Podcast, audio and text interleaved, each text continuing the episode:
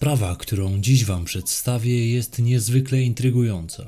Została ona przedstawiona w programie 997, a dziś trudno znaleźć choćby skrawki artykułów na ten temat.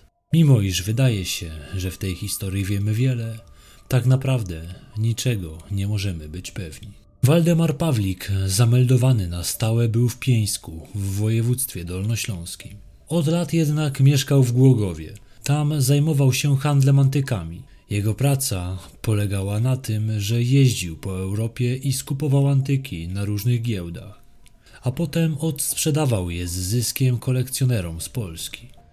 W Głogowie wynajmował mieszkanie w bloku przy ulicy Tysiąclecia. Jego profesja przynosiła mu niemały zarobek. Mężczyzna niespecjalnie krył się z tym, że jest zamożny.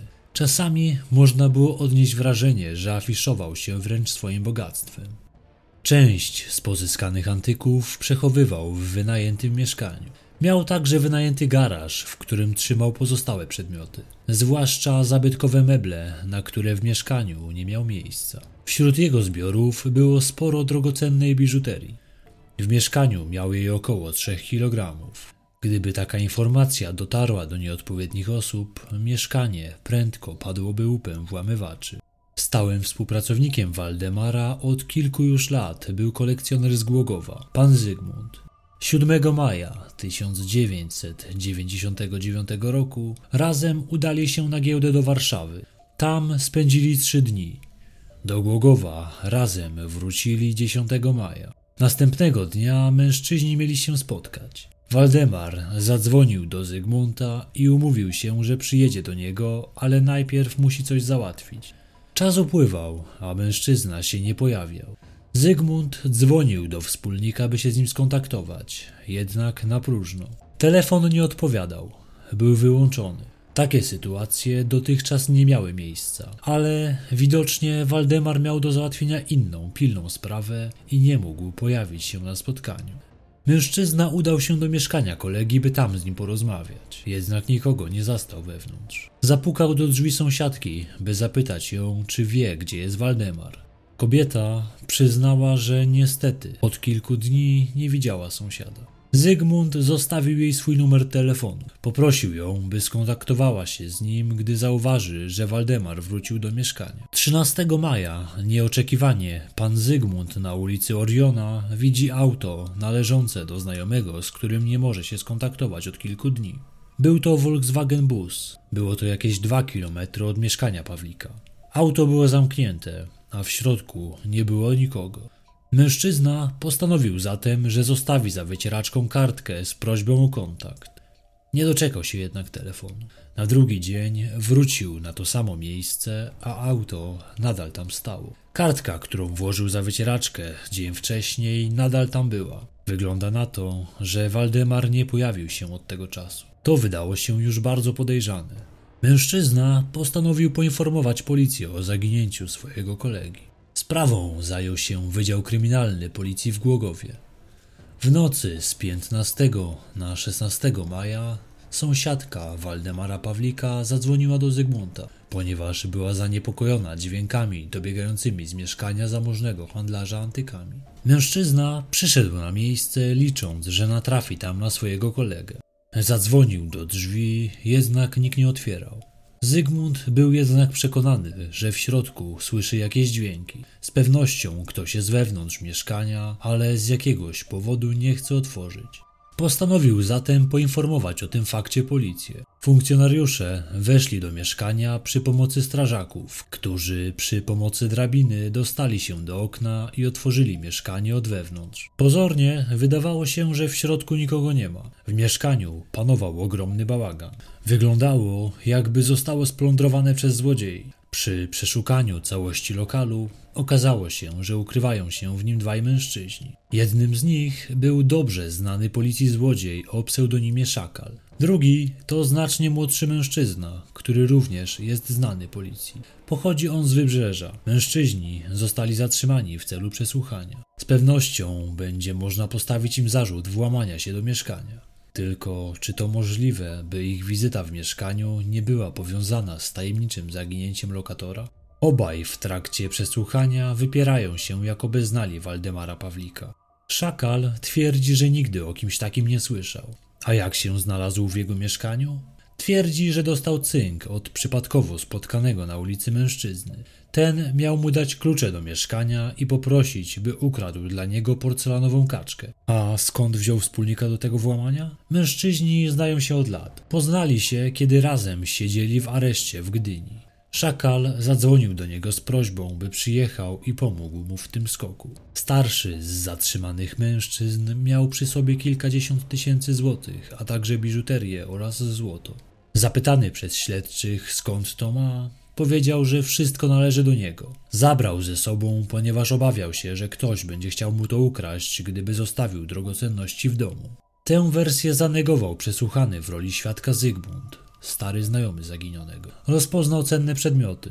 W przypadku pieniędzy ciężko jest określić, czy należały do Pawlika, ale zdaniem jego wspólnika były zawinięte w rulony w taki sposób, jak właśnie miał zwyczaj je przechowywać Waldemar. Od obu mężczyzn pobrane zostały odciski palców, a także ślady zapachowe. Pobrano również próbki z samochodu Pawlika, który nadal stał porzucony. By porównać te zapachy, wykorzystano specjalnie wyszkolonego do tego typu spraw psa. W tym przypadku, przed wejściem do specjalnie przygotowanego pomieszczenia, pies dostał do powąchania próbkę pobraną od szakala. Następnie wszedł do pokoju, gdzie na podłodze rozstawione było pięć słoików. Wśród nich jeden był tym, którego ślad zapachowy był pobrany z auta zaginionego mężczyzny. Pies za każdym razem bezbłędnie podchodził do tego właśnie słoika, mimo iż po każdej próbie był wyprowadzany, a słoiki w międzyczasie zostały wymieszane. Następnie eksperyment odwrócono. Najpierw pies powąchał zapach pobrany z busa, a następnie za każdym razem wybierał słoik z próbką pobraną od szakala. By się upewnić co do wyników, potrzebny jest drugi pies. Ten również za każdym razem wybierał tak samo. Również rozpoznanie zapachu wspólnika szakala przyniosło taki sam wynik. Zatem nie ma wątpliwości, że obaj mężczyźni byli w aucie Pawlika, które zostało porzucone. Obaj nadal szli w zaparte. Uważali, że eksperyment nie jest wiarygodny i mógł zostać ustawiony przez policję. Śledczy dotarli do billingów z telefonu zaginionego mężczyzny. Wynika z nich, że godzinę po połączeniu wykonanym do Zygmunta, do Waldemara ktoś zadzwonił. Telefon został wykonany z budki telefonicznej koło jednej ze stacji benzynowych.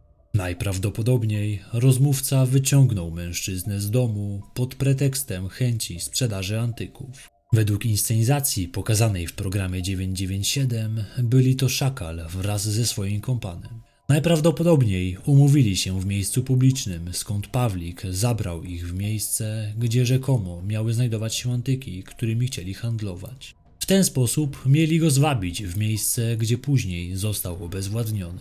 Tutaj nie ma jasności, co miałoby wydarzyć się potem. Z całą pewnością sprawcy mieli zabrać klucze do mieszkania handlarza. To dzięki nim potem będą mogli wejść do mieszkania, by obrabować je z kosztowności. Nie wiadomo, jaki los w tym przypadku miał spotkać Waldemara Pawlika. Czy został on od razu zamordowany? A może złodzieje, chcąc dowiedzieć się, gdzie mogą znaleźć jego kryjówki, przetrzymywali go i torturowali, by wyciągnąć od niego prawdę. Nie ulega wątpliwości, że przy takim scenariuszu prędzej czy później mężczyzna został zamordowany. Według scenariusza przedstawionego w programie ciało miało być zakopane w okolicach Huty Głogów. Niestety nie udało się udowodnić, że tak było. Ciała nigdy nie znaleziono. Szakal i jego wspólnik nie przyznali się do winy. Policja nie potrafiła im udowodnić, że mieli związek z zaginięciem i najprawdopodobniej ze śmiercią Pawlika.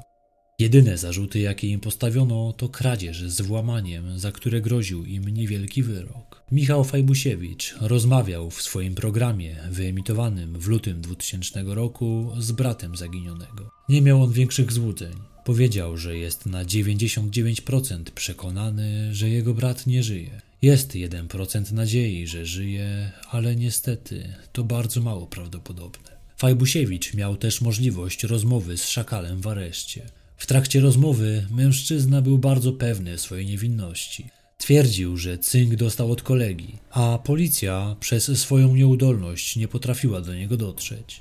Tym razem mówił, że nie dostał kluczy do mieszkania, a weszli do niego, ponieważ po prostu było otwarte. Mimo iż są dowody na to, że byli w aucie zaginionego, śledczy nie mieli sposobności, by postawić obu zatrzymanym mężczyznom choćby zarzuty uprowadzenia. W 2007 roku policja dostała informację, że ciało Pawlika może być zakopane niedaleko Głogowa. Funkcjonariusze udali się we wskazane miejsce. Wykopany został długi rów, jednak nie udało się nic znaleźć. W 2017 roku pracownicy w trakcie robienia wykopu w pobliżu liceum ogólnokształcącego przy Alei Wolności natrafili na ludzkie szczątki w bardzo zaawansowanym stadium rozkładu. Mieszkańcy podejrzewali, że mogło być to ciało zaginionego 18 lat wcześniej Pawlika. Jednak z ustaleń policji wynika, że ciało leżało tam co najmniej 30 lat. Potem okaże się, że najprawdopodobniej była to ofiara wojny. Tym samym do dziś nie rozwiązano sprawy. Sądzę, że dziś nie ma już osoby, która wierzy, że Waldemar Pawlik jeszcze żyje. Prawdopodobni sprawcy nie odpowiedzieli za zabójstwo. Czy jeszcze kiedyś uda się dotrzeć do prawdy? Mam taką nadzieję. Na dziś to już wszystko. Znaliście tę sprawę?